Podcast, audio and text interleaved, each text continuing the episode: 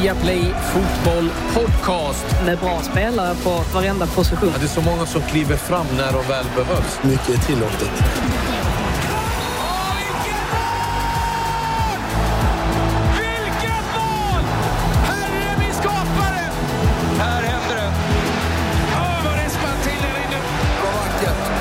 Nej, bästa dagen på året. Det största som har hänt fotbollen någonsin i princip. Hjärtligt välkomna ska ni vara till Viaplay Fotboll Podcast. Eh, Jag befinner mig i I Like Radio-studion i Stockholm. Med mig har Jonas Olsson. Hur står det till? Det är bra tack. Det rullar på. Det är lite varmare i Stockholm. Lite, äh, ja, inte så mycket sol fortfarande, men vi går mot ljusare tider känns det som. Eller hur? Champions League är igång. Det är kul jag. Ja, det är härligt. Det är, som du säger, det går mot eh, vår och eh, sommar. Och eh, Av bilderna jag har sett ifrån London, Frida, så verkar det som att våren är på plats. Ja, verkligen. Det är helt sinnessjukt egentligen när man tänker på att det för två veckor sedan slogs köldrekord och sen så nu så, så ligger temperaturerna på 15, 16, 17 grader. Så att det är otroligt märkligt. Men det går åt ljusare, eller mot ljusare tider här borta också. Inte bara vädermässigt utan nu har det ju stakats ut ännu en coronaplan eh, som gör att man eh, får lite hopp om att eh, det finns slut på den här eh, pandemin i alla fall. Ja, vad är sagt nu? När, när får ni komma ut, höll jag på att säga. Ja, alltså jag, eh, jag tar väl det lite med en nypa salt för att det har ju sagts väldigt mycket här och Boris Johnson är väldigt duktig på att eh, bre på otroligt mycket på sina presskonferenser och deklarera att det här datumet, det här datumet öppnar vi upp och sen så blir det inte så i alla fall. Så jag känner att jag tar inte ut någonting i förskott. Men nu finns det i alla fall en plan som innebär att allting successivt kommer att öppna upp. Så att det absolut viktigaste datumet vi ska hålla koll på det är ju någon gång i april när pubarna öppnar. Och sen så i juni, slutet på juni, 21 tror jag det var. Då kommer det, eller 24 var det kanske, någon gång där i alla fall. Så kommer det vara ett slut på själva pandemin. Då kommer allting vara öppet, förhoppningsvis. Som sagt, man vet aldrig med det här landet. Senast pubbarna öppnade och kallades det Super Saturday. Ja, det var en bra dag. Tyvärr ingen som kommer ihåg den i England. Nej. Det känns som att det, det är de går och väntar på i England. Skit i Puben. allt annat. Allt Men annat, när det är puben puben. öppnar, då någonstans är vi Ja, det, tillbaka. det är i- det viktigaste. Verkligen. Ja, det, det, det, det, det lär nog eh, bli någonting att bita i det eh, för alla i England. Eh, Vi har mycket att eh, gå igenom och Manchester City de tog sin 19 raka vinst mot Mönchengladbach. Är det West Ham som ska stoppa Peps segertåg? I am not the manager I was, thank God. Har José Mourinho verkligen förändrats som tränare? Och är det dags för Klopp att våga ändra sin spelidé efter ytterligare en tung förlust? Det är frågan det, men vi har en hel del annat först. Det är givetvis eh, senaste nytt med eh, Frida som vi börjar med. Ja, om vi tar lite här. Det har ju hänt en del på tränarfronten framförallt. Jonathan Woodgate kommer att leda Bournemouth under resten av säsongen. Det var ju lite snack där om att både Patrick Vieira och Thierry Henry och David Wagner också för den delen eventuellt skulle ersätta Jason Tindall. Men klubben kommer alltså återuppta jakten på en ersättare först till sommaren. Och eh, Neil Lennon lämnar Celtic, vilket ju är föga förvånande med tanke på att Ja, de har eh, haft en del undermåliga resultat under i princip hela säsongen. Ligger ju 18 poäng bakom Steven Gerrards Rangers dessutom och det är ju absolut inte acceptabelt. Ehm, I alla fall inte om man tillhör Celtic. Och um, lite tragiska nyheter också från uh, Brasilien. Eh, uh, Alissons pappa ska ha omkommit i en drunkningsolycka. Uh, kom besked där under torsdagsmorgonen. Vi får ju hoppas att han får möjlighet att eventuellt åka hem och tillbringa tid med sina närstående. Det är ju inte ett helt problemfritt eh, i och med pandemin. Eh, det såg man ju inte minst när Jörgen Klopps mamma också eh, avled tragiskt i januari. Men vi får väl avsluta lite med lite mer upplyftande nyheter och det är ju att Säsongens sista Premier League-omgång planeras att spelas inför publik. Och eh, ja, återigen, jag säger planeras eftersom att jag absolut inte litar på det här landet och därmed inte vill ta ut någonting i förskott. Men eh, ja, det verkar som att vi i alla fall går mot fulla arenor och eh, det är ju oerhört glädjande. Och sen så får vi kanske gå in lite på det här med med fantasy fotboll också eftersom att det har ju faktiskt skakat om ligan på allvar nu. Det har ju förekommit tidigare att spelare har råkat avslöja skador på sina lagkamrater genom att plocka ut dem ur sina fantasylag men det här blev ju verkligen droppen som fick bägaren att rinna över när fyra, fem Villa-spelare bytte ut Jack Grealish innan fredagsmatchen drog igång. Och det innebar ju att Leicester hade gott om tid att förbereda sig på. Och ehm, ja, Dean Smith var inte, han var inte överförtjust efter det här och förbjuder nu sina spelare från att delta. Andra klubbar verkar gå på en annan linje och i alla fall hindra sina spelare från att välja personer ur sina egna lag. Och det låter ju ganska vettigt kanske. Det var lite av mina nyheter härifrån. Vi hade, jag spelade i West Brom när vi hade fantasy fotboll där. Så hade, hade alltid massörerna, sjukgymnasterna, hade en, hade en, eh, en liga då. Och det var det ofta, plockade de, alltså hade de, ja, nu ska jag välja dig Jonas. Och så blev man alltid utplockad innan City, innan Chelsea-matcherna. så man hade inte jätteförtroende för, honom för henne. Så bygger man självförtroende. Ja. I'm sorry man you're out. ja, ja, herregud. Ehm, ja, lite övriga nyheter. Luca Dean har förlängt med Everton till 2025. Även Robert Sanchez, Brighton-målvakten, har förlängt sitt avtal till 2025. Och på tal om tränare, Joey Barton är igång igen. Bristol Rovers har han eh, tagit över. Och eh, så ska vi också säga det att eh, Isak Drogba eh, har gjort debut, 20 år gammal, för ett Serie D-lag. Eh, Folgera Coratese. Och som de sa, ingen press på, på honom. Och på tal om att Jonas satt och hånade mig innan vi började spela in att jag var en gubbe. Det får mig att känna mig ännu mer gubbe när Drogbas son eh, har hunnit bli 20 år. Eh, Diego Costa Eh, han är på jakt efter ett nytt avtal. Det ryktas om Palmeiras eller Sao Paulo. Vi får se lite hur det där går. Sen måste jag ju bara flika in där an, angående att Woodgate fick jobbet permanent. Efter det blev klart att han fick jobbet permanent och de två raka förluster och eh, halkar nu ut ja. ur playoff-platsen efter att gamle Mick McCarthy som har fått fart på Cardiff vann den matchen. Men vi måste, vi måste börja med Peps kläder. Vad är det som händer? Ni måste ha sett rocken han hade på sig igår. Ja, ja men city emblemet. Alltså det är plakaten. Det är, och det är som ett, ett, jag ska inte säga märket här, men det är, det, det, är inte någon billig variant så kan vi säga, men det kan vara det mest tacky jag sett i hela mitt liv. Jonas, du gjorde matchen. Ja. Hade du velat ha en sån rock? Eh, nej, men, men jag tror med, med Pep, han har inte, han har inte ett, som säga, eh, han har ju eh, han har kanske inte Nej. Uh, nej. Hur ska det vara finkänsligt? Han har, nej, men han, har, han har kanske inte gjort modestatement innan som, som någonstans uh, uh, gör att han bör ha så hög svansföring. Han har, är det hans fru som har någon... Ja, fast det här är ju klubben. Ja, jo. Det här är ju klubben. Och jag menar, okej okay att det hade varit en nyrik ryss, om nu ska ja, vara så elak. Men det här är ändå klubben som har suttit och tagit fram, det här, det här är snyggt. Ja, nej, det, det är det ju inte. Frida? Jag, jag, jag, brukar ju inte vilja... Ja, men till exempel, jag har alltid försvarat Nagelsmann när folk har varit på och häcklat hans kostymer och sådär. Ja, det är bra att det var kallt nu. Han är utan spelare. Ja. Utan spelare Han lirar en egen liga. Ja, men jag tycker ju liksom att uh, fan, klä er som ni vill lite grann. Alltså det, det, spelar väl ingen roll. Men den här uh, jackan uh, som peppade på sig under gårdagen. Mina tankar drogs oundvikligen till alltså studenttiden och eh, ja, men lite så här, eh, jag vet, tror att alla som har varit med i någon studentförening vet vad jag pratar om. När man går runt med de stora eh, ja, symbolerna på ryggen och, och eh, det är lite så här eh, ja, tuxedo feeling nästan. Eh, nej, det var inte min favoritoutfit som han brukar ha på sig. Men jag tycker faktiskt att han klär sig ganska bra i övrigt. Alltså jag, jag tyckte inte att den här jackan som han var så känd för, den här gråa stickade grejen som hans fru valde ut. Jag tyckte inte att den var så så ful. Den var ganska mode, moderiktig enligt mig i alla fall.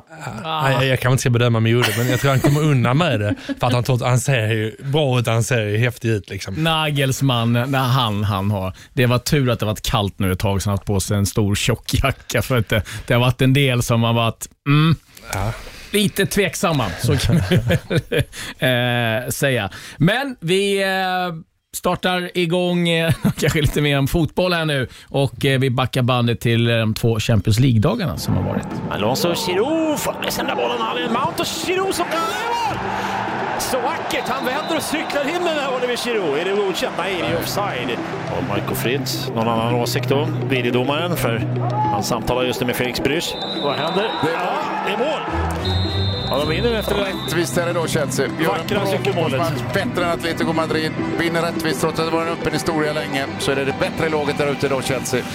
Mönchengladbach som får spela hemmamatch mot Manchester City på Puskas Arena. Det är bra inlägg och Cancelo, det är mål!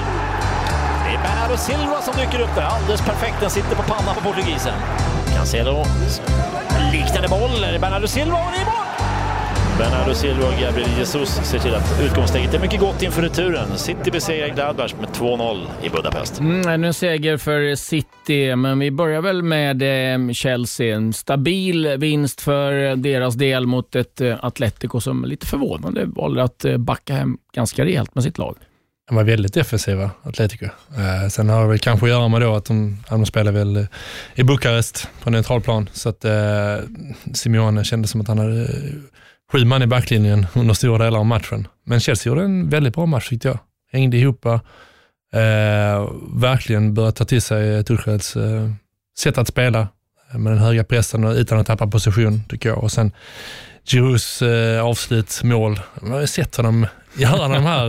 Eh. Ja, precis. Eh, otroligt avslut. Och jag tyckte till slut att de vann eh, väldigt rättvist. Hade högre förväntningar på Atletico för de var väldigt, väldigt bra i La Liga. Llorente, Suarez har, har eh, sett, sett väldigt bra ut. Så att, eh, lite förvånad att de tog en så pass defensiv approach.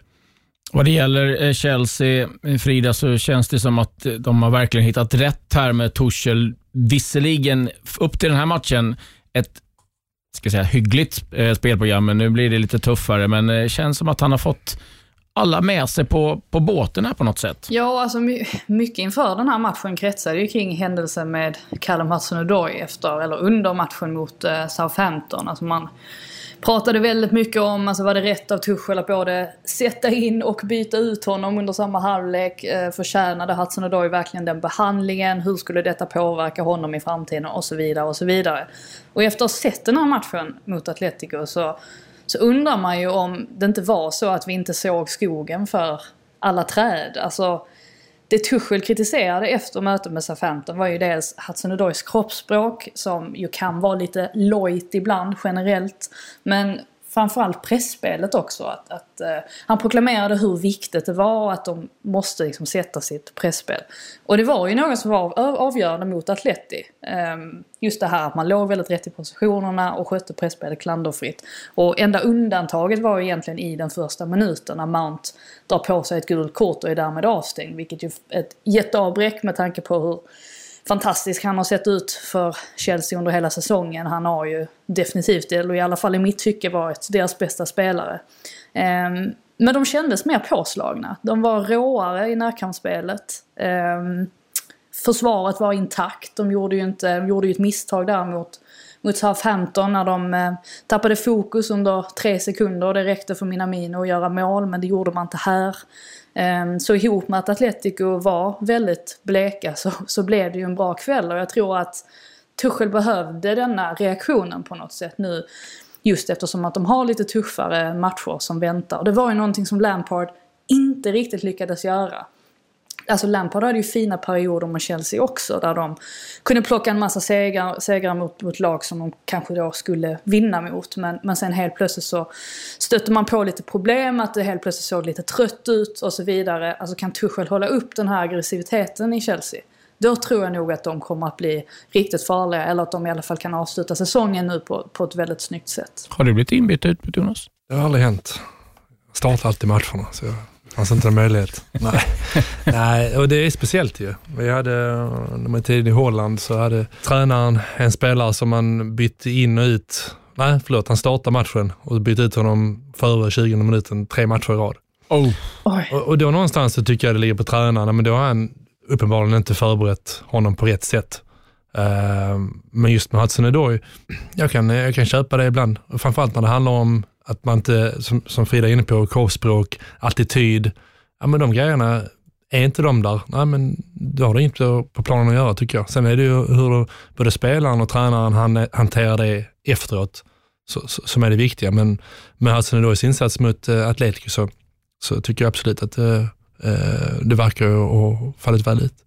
Det som är intressant och som eh, togs upp bland en del engelska experter och journalister var liksom att ja, Neymars kroppsspråk kanske inte har sprudlat alla gånger i PSG, men det var inte så att han tog av honom, utan eh, Hudson Odoi var väl ett, ska vi säga, ett lämpligt offer i det, i det läget. Det kanske också var lite passande på ett sätt att det var just Hudson Odoi. Visst, han är ung, ung och sådär men, men han har ju faktiskt varit lite teachers pet under Tuchel. Det är ju den spelaren som har fått Sant. spela mest och han har fått eh, jättemycket ansvar på högerkanten och har klarat av det på ett fantastiskt bra sätt. Så att var det någon spelare han skulle lasta det här på så var det kanske just Hudson Odoi. Och det här är kanske vad Hudson Odoi behöver lite också. En liten sporre så att han inte blir för bekväm heller. För att han känner ju att han har mycket förtroende från Tuchel. Och fortsätter han att spela på det här viset så kommer ju ingenting förändras på den punkten. Jag tror också liksom att fotbollen, alltså, nej, det, det är inte rättvist hur du behandlar, alltså du behandlar inte alla rättvist alltid. Om man jämför Hudson-Odoi mot Neymar, så det är säkert att Tuchel har, har resonerat så att ja, han har kanske lite dålig attityd också ibland Neymar, men samtidigt så har han ju kvaliteter som är helt otroliga. Och då kanske ja, han får köpa att, att, eh, att han är egen, att han är lite egocentrisk emellanåt. Så att eh, det, jämförelsen där, för mig, eh, i brittisk press tycker jag haltar lite. Mm.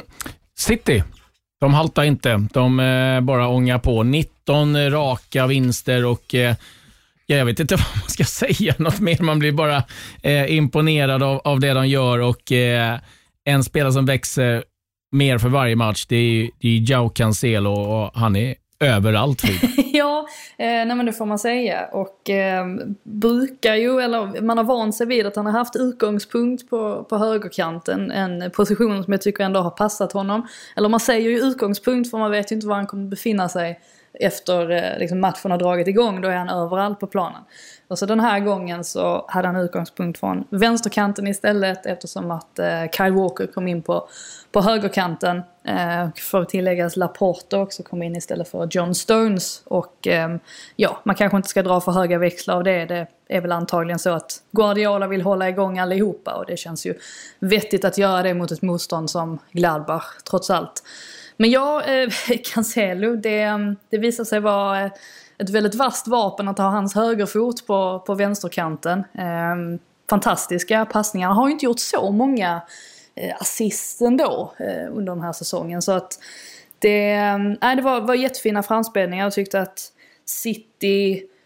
Jag var lite förvånad ändå av att de inte var ännu mer aggressiva i sitt pressspel. Det var nästan som att de, det är klart att de hade kontroll på den här matchen eh, rakt igenom i princip men det var väl mer det här att de kanske inte riktigt tryckte på lika hårt som jag hade trott. Ehm, men i slutändan så var Gladbach, jag vet inte, nästan lite naiva. Nästan, eh, det märktes att de inte är individuellt lika bra som City-spelarna är och eh, de hade inte så mycket att eh, stå, stå emot i slutändan. Som Frida säger, att de var inte så aggressiva City som de brukar vara, men jag tror det var medvetet. Att de lät Mönchengladbach spela ut bollen och sen satte de sådana typ av pressfällor, att de tillät eh, Mönchengladbach att spela bollen inne centralt och därifrån var de väldigt, väldigt aggressiva och vann bollen 6, 7, 8 gånger centralt. Uh, så jag tyckte de gjorde en, en, en väldigt bra match och kontrollera matchen i princip över 90 minuter.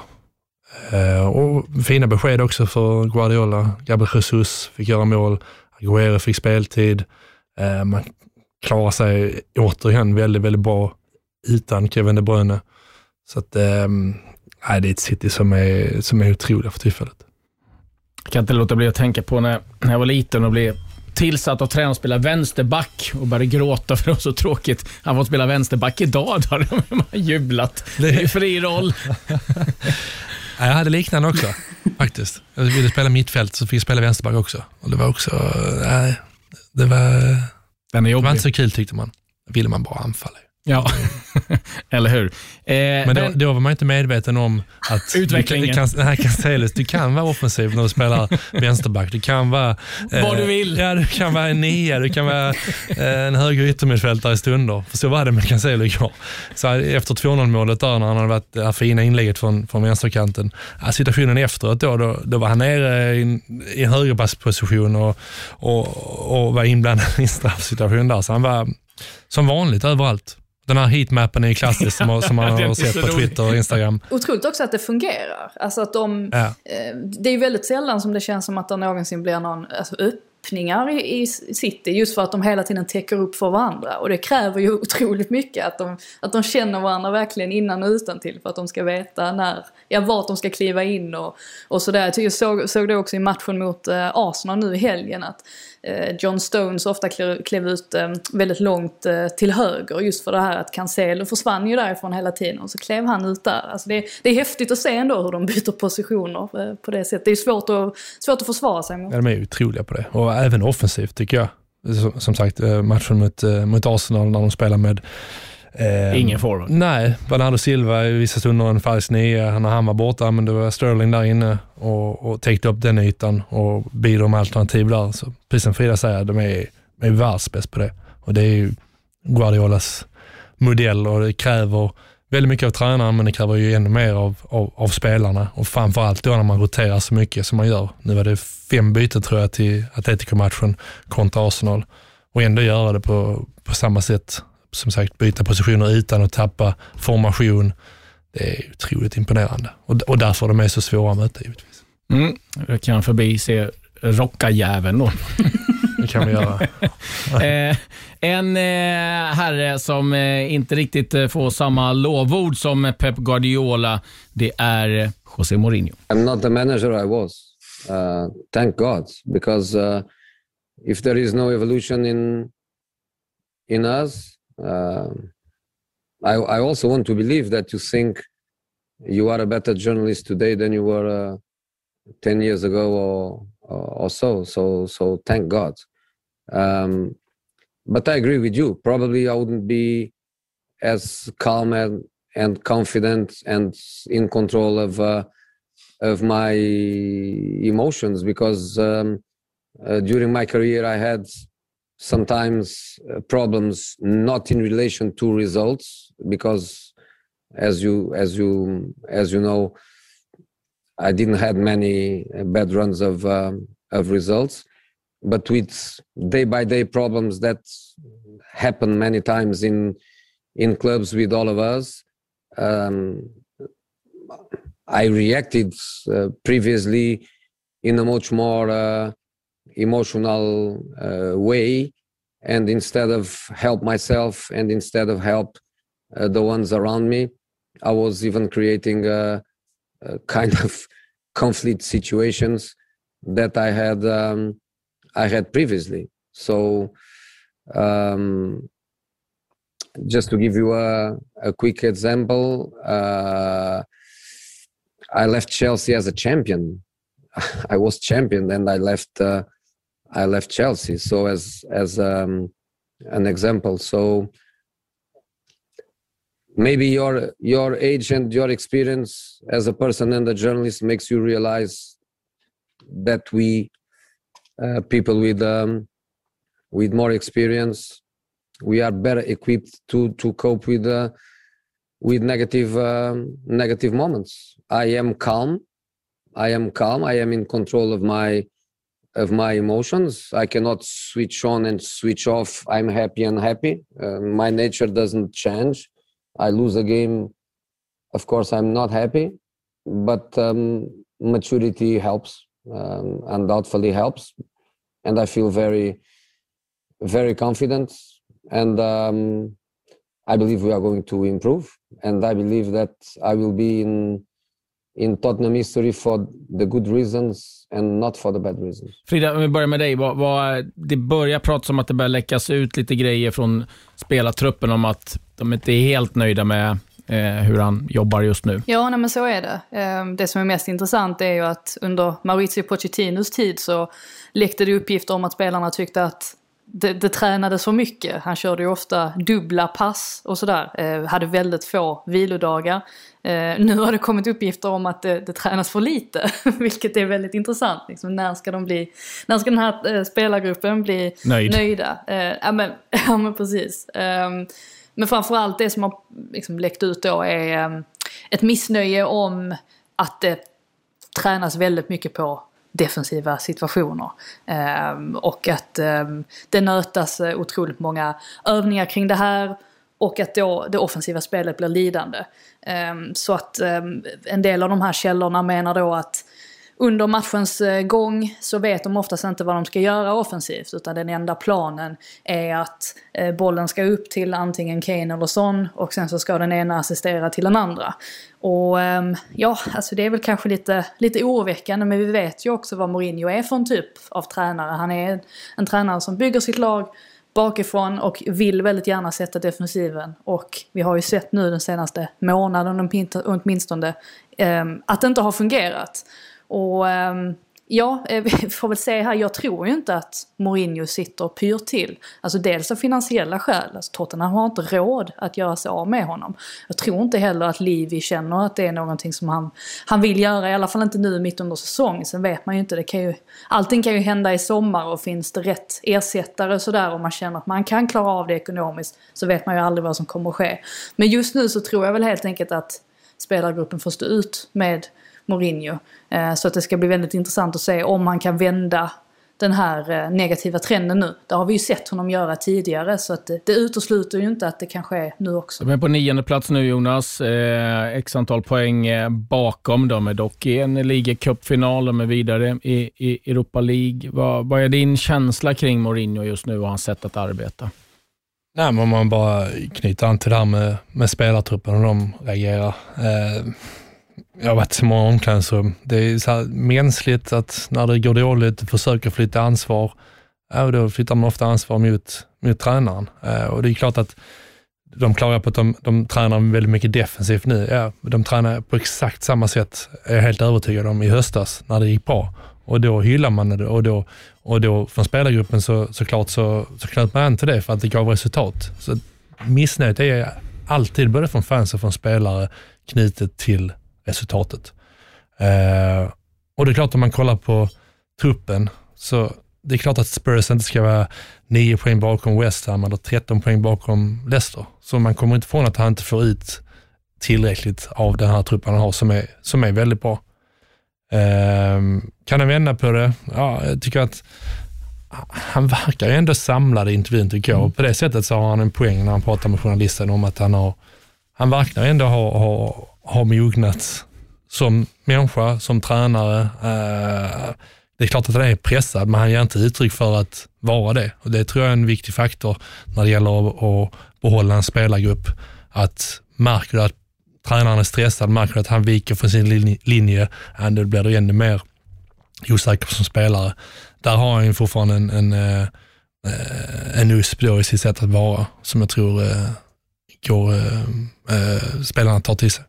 Mm, det blir intressant att följa Tottenham möter Burnley nästkommande match. En match där ingen vill ha bollen. Ja, men det, är också, det är också med Spurs, så de grejerna som man egentligen kollar på när man ska värdera vad en tränare eller vad ett lag är. Men det är ju resultat såklart. Det är ju också spelmässigt, så man ser man någon utvecklingspotential. Eh, och det har man inte gjort med Spurs på, på väldigt länge. Och sen handlar det också om de här större spelarna som Delali, som Bale, Bale in här senast, det var väl kanske den enda då ljuspunkten mot, mot West Ham, men han har trots allt haft problem att få igång de, de spelarna på, på rätt sätt. Uh, och det är såklart uh, oroväckande. Jag kan egentligen bara komma på, alltså det är inte många spelare man kan komma på som Mourinho faktiskt har utvecklat under sin tid i Tottenham. Den ena är ju Aurier som har sett bättre ut sedan han kom in.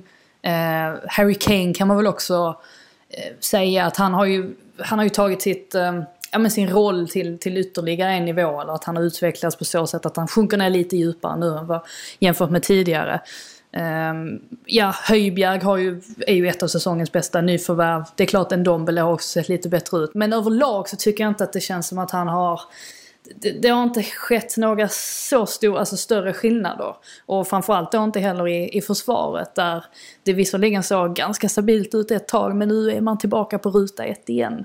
Och ehm, ja, alltså det, det bådar ju inte gott som sagt för, för Mourinho. Det är, det är väl frågan vad han ska göra för att få ja, alltså få stopp på läckandet. För att det är ju det, är det som skadar dem framförallt. Om, om man ska liksom ställa sig på José Mourinhos sida och man tittar på de försvarsspelarna han har och målvakten, så skulle jag ju säga att det finns lätt 6-7 klubbar som har betydligt bättre försvarsspelare. Och då behöver jag inte tala om att det är några City, United och eh, eh Leicester. Alltså Dyer, Alderweireld, Aurier och Davis. Jag ser inte sådär jättemånga lag som de, de kliver in och gör det väldigt mycket bättre. Nej, men, men sen när de kollar på dem, eh, liksom kollar på de lagen de realistiskt konkurrerar med. Har Chelsea bättre personal i sin backlinje? Tveksamt tycker jag. Har United bättre? Nej, det är inte givet heller. Så att jag tycker inte, nej, det är kanske inte Premier Leagues bästa försvar, men det är ändå ett försvar som är fullt dugligt att, eh, att eh, utmana och Eh, på det sättet de vill och det, och det är ju liksom topp fyra. Jag tror väl inte att Dawson och Diop, jag tror väl ingen, ingen anser att de egentligen borde vara Eh, så mycket bättre. Så att det, det är ganska svårt det där när man jämför också försvar tycker jag generellt. För att det är ju så mycket som, som spelar in ändå eh, på något sätt. Mm, vi får se vad som händer, men eh, ett lag som går som tåget, det blev ju sin vinst senast mot just eh, José Mourinhos Tottenham. Det är ju West Ham givetvis. Owen in med bollen. Där är Antonio! Och där är Antonio igen! Och det är 1-0 West Ham. 200 Antonio och West Ham tar ledningen i den femte minuten. Titta här, titta här, titta där. Det är Lingard! Nej men jösses Amalia. Det är myrvakna igen Tottenham. David Moyes besegrar José Mourinho för första gången i hans karriär i den 16 matchen. David Moyes tar West Ham United upp på en Champions League-plats. There's a smile on your face now. What's the reaction from your team? Yeah, good. But you know, I've told them we're only. I don't think we're we're only done half a job. I think you know if we continue this way, well, we'll be close. So I don't want to I don't want to be negative in any way. It's a great result for us to beat Spurs. You know, with, with, with the ambitions what they've got and what they have at their disposal.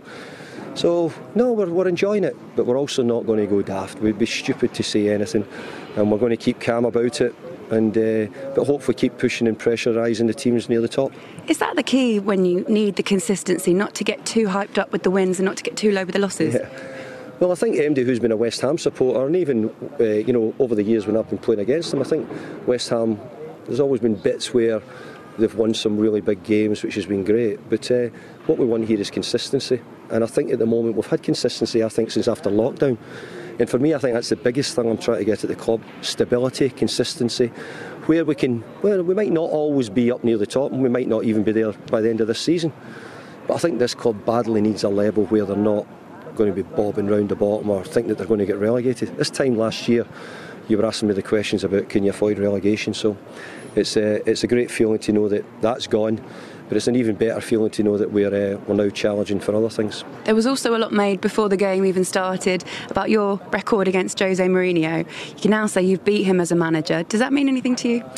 No, and it's like anything else, there's always a first for everything, isn't there? And uh, Jose Mourinho's had great teams, whether it be Chelsea. You know, he's been an incredible competitor. You only need to see the medals and the trophies he's won. He's uh, you know, he's, he's just up there with the top there is. He's up there with all the elite managers. But football sometimes can get you results. We've got ours today. Mm, David Moyes givetvis väldigt nöjd, men också väldigt noga Jonas med att trycka ner för förväntningarna och inte skena iväg här. Ja, och det som man säger att det är ju någonstans kanske den viktigaste faktorn för deras framgång, att de, de vet trots allt sina begränsningar och spelar utifrån det match ut och match in har gjort det otroligt bra den säsongen. Jag är övertygad om att han eh, har en känsla att de, ja, men det, det är fullt möjligt att de kan vara där uppe när, när säsongen summeras. Och vi som har sett West Ham spela, att de har ett otroligt eh, kompetent försvar. De har spelare som kan göra skillnad i Bowen, Antonio, Suchek. Så att, eh, och samtidigt som att man ser de här lagen runt omkring som utmanar. Ja, Chelsea, Liverpool, Everton. De känns inte så självklara. West Ham känns eh, som ett lag som, som mår otroligt bra och framförallt är väldigt konsekventa som inne på, i sin, sin prestation. Så att, eh, man har en period här nu, jag tror det är City, United, Arsenal, eh, Leeds, de här fyra matcherna. Så kan man ta sig an det och göra mm, bra resultat där, då har man alla möjligheter tror jag att, att eh, ja, vara med där uppe. Sen om det är topp fyra eller topp sex eller vad det är, så må jag säga att det är viktigt för West Ham att ha ett lugn i sin klubb, att inte varenda säsong slåss om, eh, om att hänga, hänga kvar. Eh, alltid prat känns som om den tränaren ska hänga kvar, hur man ska varva och så vidare. Nej, men, nej, men nu mår man bra. Och, eh, den känslan är väl det viktiga när man summerar säsongen. Inte så viktigt, eller det är klart det är viktigt om man blir topp fyra eller topp sex, men, men eh, som man är inne på, att man, att man eh, fortsätter den här, på den här linjen man har gjort. Intressant är ju, Frida, när säsongen började hade de ett otroligt tufft program och man pratar oj, David Moyes kommer liksom få sparken ganska tidigt och det ser väldigt eh, jobbigt ut. Tror du att just den här säsongen utan fans har varit en fördel för West Ham och David Moyes i det här läget? För det var ju inte någon klang och jubelstämning bland West Ham-fansen inför säsongen. Nej, den teorin eh, kom ju på tal här nu. Ehm, och jag tycker att det ligger ganska mycket i det ändå. Man pratar väldigt ofta om lag som gyn, äh, inte gynnas av att äh, ha publikfria läktare så som Sheffield United exempelvis som kanske får så oerhört mycket energi och stöd från sina fans på Bramall Lane. Um, jag, jag tycker att det ligger ganska mycket i att det har nog varit skönt för West Ham att kunna Uh, ja, alltså spela i lugn och ro, alltså bort från den här enorma pressen som det ändå är. Och, och West Ham-fansen är ju kräsna.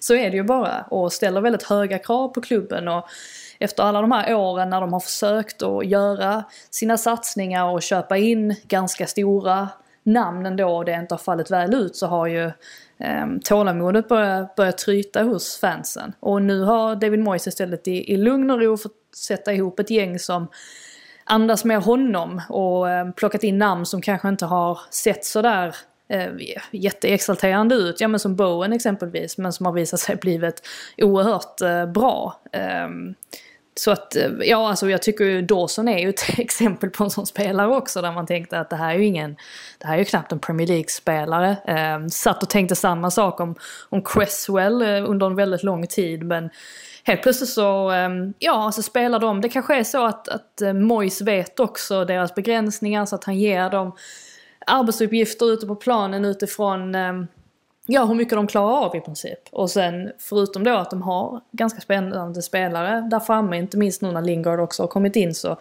tycker jag i alla fall att Susek och Declan Rice är ett av ligans absolut bästa um, um, mittfältsduo. Um, tycker båda två. Så, de är ju häftiga på så sätt att de både är väldigt, väldigt stabila defensivt men eh, också kan eh, länka ihop och vara med i offensiven. Susek som gör en massa mål också. Eh, så att ja, det är väldigt mycket bra i West Ham och som sagt det har väl varit gött för Mojs att kunna arbeta i lugn och ro bakom stängda dörrar. Intressant här tycker jag är ju att West Ham under Mois är ju precis som Tottenham. De lägger sig lågt, försvarar, matchen mot Burnley till exempel, gör tidigt mål, överlåter bollinnehavet eh, till eh, Burnley, eh, som inte riktigt eh, är kanske laget som eh, vill ha den. Men har ju fått en helt annan utdelning givetvis än, än vad Mourinho till exempel har fått i, i, i Tottenham. Men det är liksom sättet han jobbar med som tycker jag är intressant och han utvecklar spelarna. Eh, ja, och det, och det är klart om man jämför med, med Spurs och Mourinho då, det är klart att det är lättare att göra det i ett lag som West Ham, där förväntningarna är, det är noll innan säsongen börjar på något sätt. Och framförallt Moyes då har ju fått, tycker jag ändå lite oförtjänt epitet av att vara destruktiv. Ja, det är klart han var destruktiv i, i, i West Ham, men det är också jag tycker han är bra på att anpassa sig till det spelmaterialet han har. När han var i Everton och alla hyllade honom, ja, men då var de inte, eh, de satt inte tillbaka utan de, de eh, eh tog sig an matcherna med, eh, med, med en helt annan svanshållning.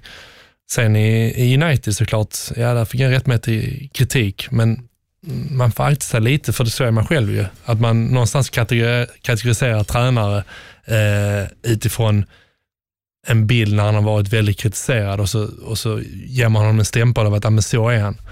Eh, det tycker jag han har visat i år då, att han, eh, att han är en väldigt skicklig manager. Sen tror jag som Frida säger att det är klart att eh, det har gynnat dem att spela utan publik, för West Ham eh, ja, men de är krävande och förväntningarna står ju sällan i paritet till, eh, till verkligheten. Så att ehm, eh, det är en säsong som, som passar dem på, eh, på alla sätt, men de har gjort det utifrån, utifrån förutsättningarna fantastiskt bra.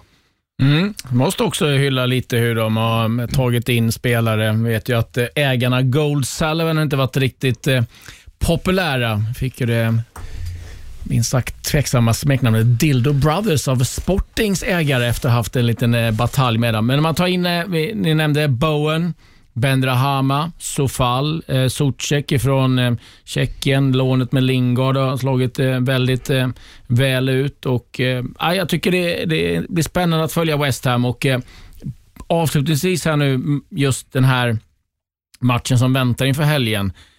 Tror ni att de kan störa Manchester City? Är det West Ham och Moyes som ska liksom vara det laget som pajar sviten för Pep? Jag tror bara det handlar om hur City agerar. Agerar de som de har gjort de senaste månaderna så, så är det inget lag som, som rör dem. Uh, inte, inte West Ham, inte, inte United, inte Liverpool, utan det är, jag har svårt att se någon annan utgång än City-seger. Frida, blir det Hammers feber om de vinner? ja, nej, men jag, eh, jag håller med också. Eh, som sagt, eh, tycker West Ham har gjort en fantastisk säsong. Man har ändå sett lite, jag var på den matchen också i höstas när de mötte City och det var ju ett helt annat City så det går ju inte att jämföra egentligen. Men första halvlek gjorde West Ham väldigt bra och sen i andra halvlek när City skruvade upp tempot så, så syntes det ganska tydligt direkt att de blev alldeles för nedtryckta. Så att jag förväntar väl mig att det kommer bli lite samma sak sak nu med skillnaden då att City är i betydligt bättre form än vad var då. Mm, vi får se vad som händer, men det är klart att eh, West Ham-fansen ska fortsätta drömma om Champions League. Nu är det dags för Tipshörnan. Det var ett eh, högintensivt derby förra helgen eh, på Anfield där då Liverpool eh, tog emot Everton och eh, det blev en eh, riktigt härlig kväll för Everton. Tungt för Liverpool. Titta här! Richarlison är fri! Och det är mål för Everton! I tredje minuten. Det såg väldigt enkelt ut. Richarlison i mitten, Calvert Lewin. Alexander Arnold springer med. Calvert Lewin är före. Calvert Lewin skjuter. Och Alisson Becker klarar. Det är retur. Och han ligger ner. Det är straff. Det är iskallt av Sigurdsson och Everton leder 2-0 på Anfield. Och Liverpool känns uppgivet i det här laget förstås. What, what this team has done is amazing. We love them. But it doesn't mean they're exempt from criticism. I'm sick of talking about Virgil van Dijk. And what I mean by that is we've highlighted that on this show, the bigger picture. Liverpool can't win the league. I said that after the last derby game. They can't win the league with Van Dijk being out for the whole season. I didn't fear.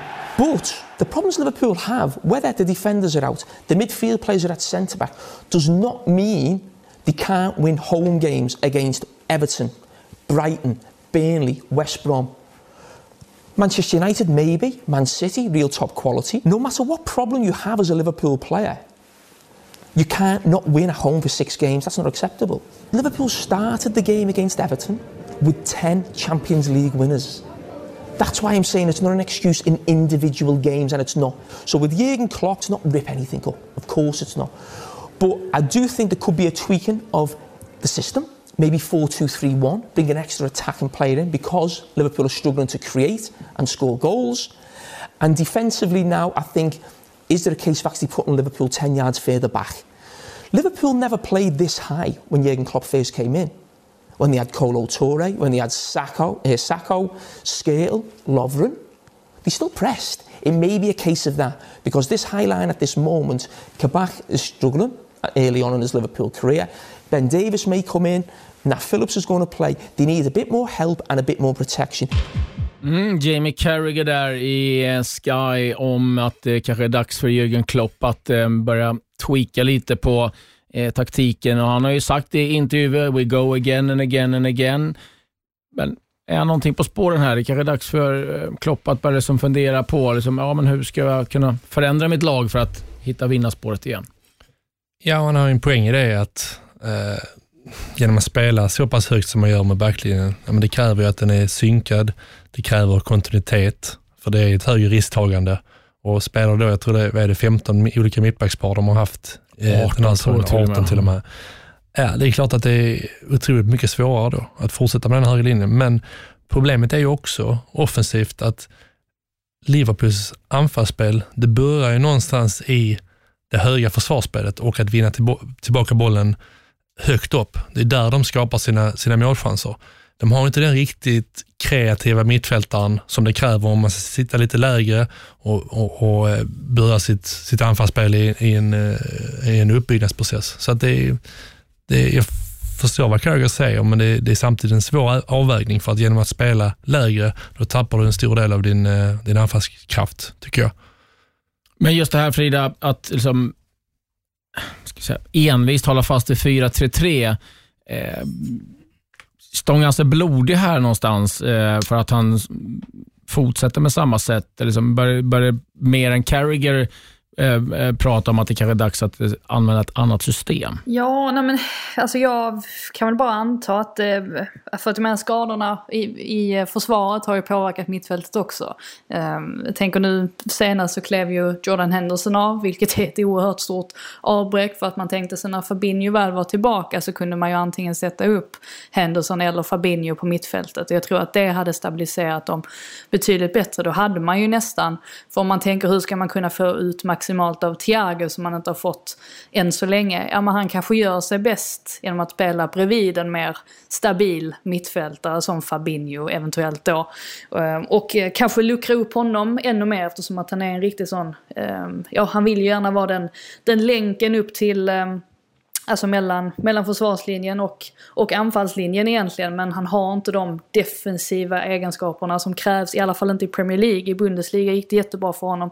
Men det märks att Premier League är en alldeles för fysisk liga. Eh, så att han inte riktigt klarar av det jobbet på, på egen hand. Eh, jag är spänd på att se nu hur det kommer bli när Diogo Jota kommer tillbaka. Eh, tycker väl inte att Firmino har visat tillräckligt på sistone för att han ska behålla sin plats om det, om det hänger på antingen Jota eller honom. Eller om det möjligtvis är så att man kan integrera allihopa. Ehm, så att jag tror vi kommer väl få se någon förändring nu eh, när det kommer någon spelare tillbaka. Men som sagt att få Henderson borta också, det är ju det är ytterligare ett, eh, ett slag mot dem. Eh, så är det ju. Eh, jag tycker också, alltså problemet är ju lite mentalt i det att Klopp har kommunicerat det nu, vad är det, tre månader. Han har, varit, han har, han har haft ett korståg mot alla. Det är BT, det är Sky Sports, det är den här säsongen. Alla vet ju förutsättningarna hur den här säsongen är. Jag tror att om man som manager hela tiden hittar, det är inte ursäkter kanske, men hela tiden, ja men det är emot oss, det är där, ja men vi har så mycket skador. Till slut så börjar det ju invaggas i spelartruppen. De börjar också tro på att ja, men vi har inte en chans i år. Vi, eh, ja, men vi kan inte med så mycket skador, vi kan inte med det här spelschemat. Så jag tror det är en farlig väg han har gått där. Uh, och den är kanske rimlig. Han har, I intervjuer har han sagt att ja, jag, är mänsklig, jag, är män, jag är mänsklig, jag reagerar och säger vad jag känner, och vad jag tycker efter, efter matcher. Men jag tror också att du, du måste ha en strategi där som, som tränare också. Då är man tillbaka i det här med hur du eh, kommunicerar utåt, hur du kommunicerar med spelargruppen. Det, det, är liksom, det är tydligt, tycker jag, att man ser att spelarna eh, på planen inte har det Chefförtroendet som, som de hade förra säsongen, som de, hade, som de har haft under Klopp, den här känslan på nästan oövervinnlighet.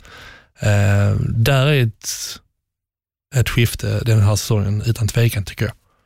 Har du varit med någon gång där tränaren har sagt till er att eh, grabbar, det här är vad jag kommer kommunicera utåt, men det här är vad jag tycker inåt?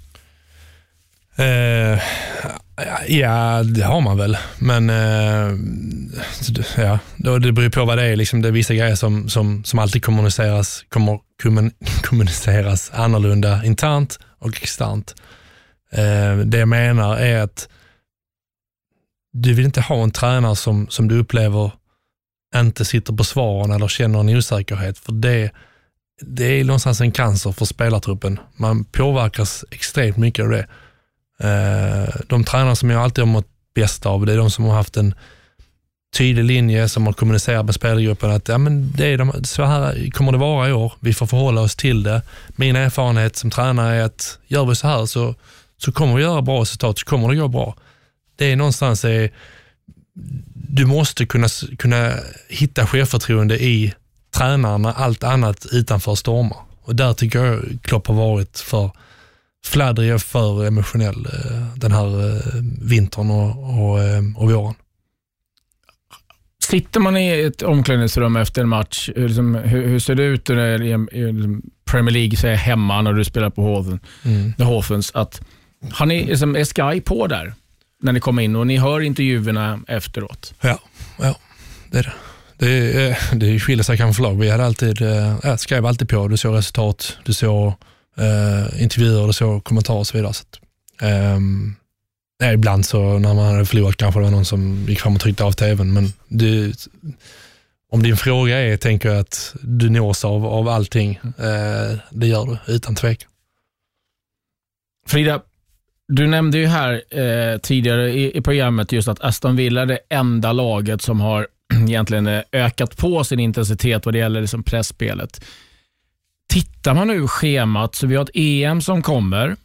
Det är redan eh, pressat som det är den här säsongen. Det är ett VM-slutspel som ska spelas 2022, 21 november till den 18 december. Säger ni att eh, det behövs förändras, att tränarna behöver se över sitt sätt att agera? Det kanske inte går att köra den här gegenpressen liksom fullt ut eh, under perioden, för att nu är det som ett schema som är helt Ja, det är helt sjukt egentligen hur, hur, hur så mycket matcher som ska spelas under en kort period. Ja, nej, men absolut. Och det är ju också anledningen till att vi har sett förändringar. Just det här med att pressspelet, att det avtar betydligt och har minskat under eh, den senaste säsongen. För att tränare inser att spelarna kommer inte orka hålla uppe den intensiteten. Och sen måste man ju tänka på skador också eh, och förebygga dem.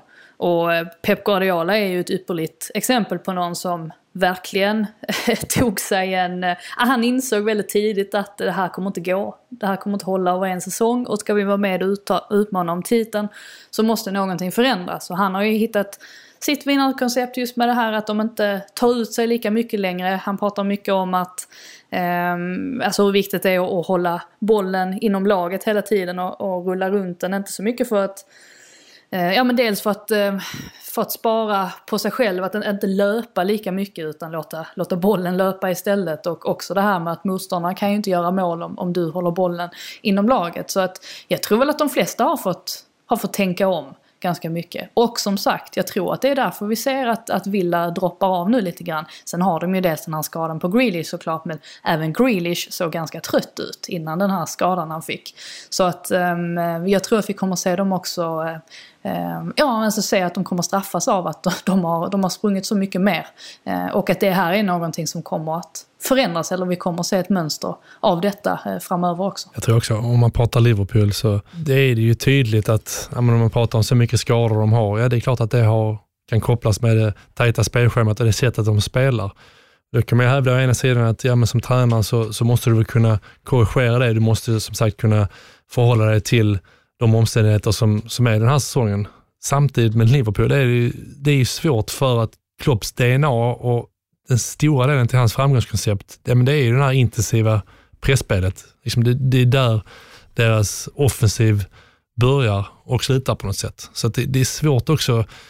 Liverpool är inget lag som, som är inne på, jag tycker inte de har den kreativiteten på mittfältet. De har kanske inte den tryggheten i backlinjen där de kan sitta, sitta tillbaka och försvara sig djupt. Så att det är ett svårt läge också för honom. Så det tycker jag också man, man bör ha med när man eh, bedömer deras säsong och bedömer eh, Klopps agerande. Alltså deras problem är ju också att de tidigare har de ju förlitat sig så otroligt mycket på Robertson och Trent Alexander-Arnold att de trycker upp. Mm. Och nu kan de helt plötsligt inte trycka upp på alls samma sätt utan behöver hjälpa till betydligt mer i försvarsspelet än vad de kanske är, är vana vid. Och det har vi framförallt sett på Alexander-Arnold att han har varit lite osäker i, i den rollen. Och då, då tappar man ju hela det kantspelet. Tycker i och för sig att de har sett betydligt bättre ut den senaste tiden. Det glömmer man kanske bort lite. Men framförallt Alexander Arnold tycker jag har tagit alltså, större kliv jämfört med alltså, den formen vi såg honom i för, för några månader sedan.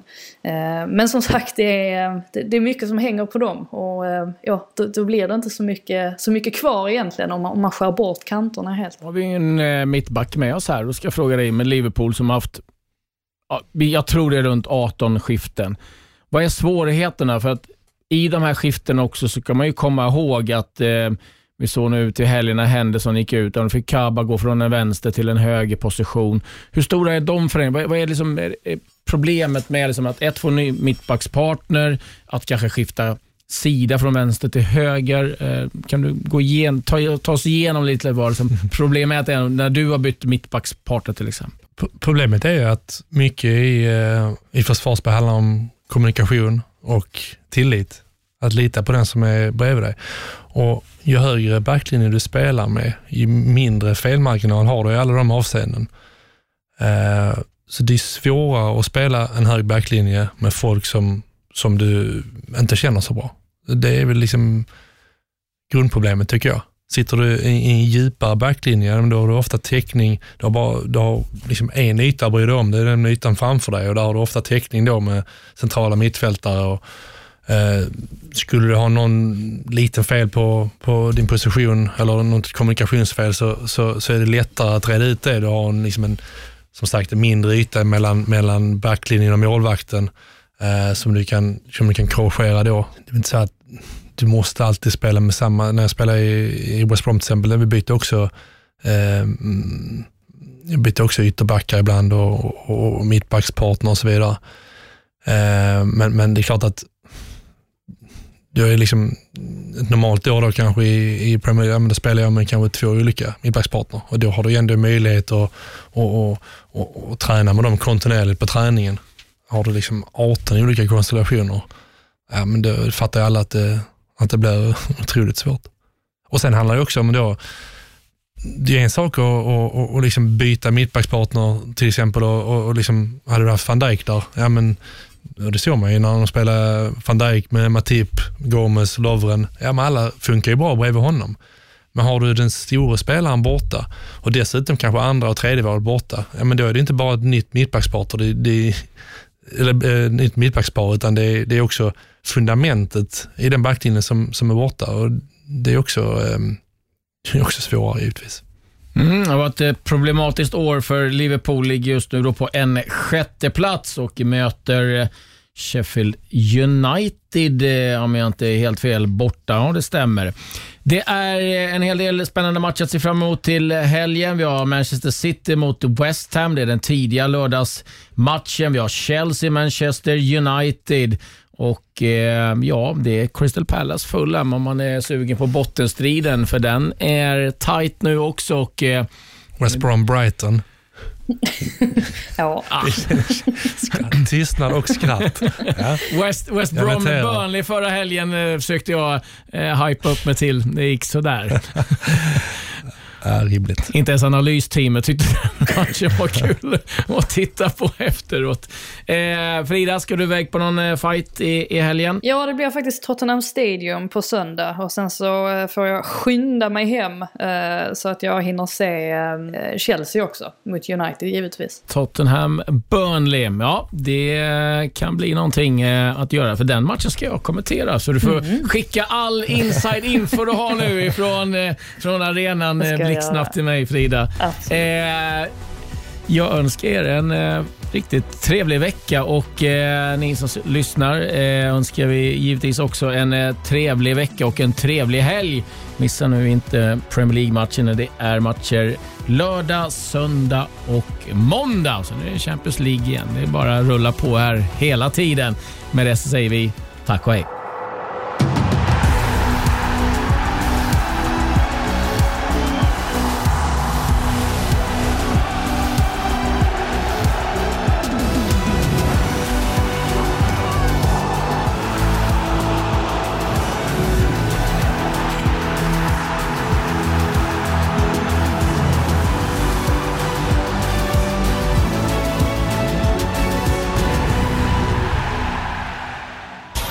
Produceras av I Like Radio. I like radio.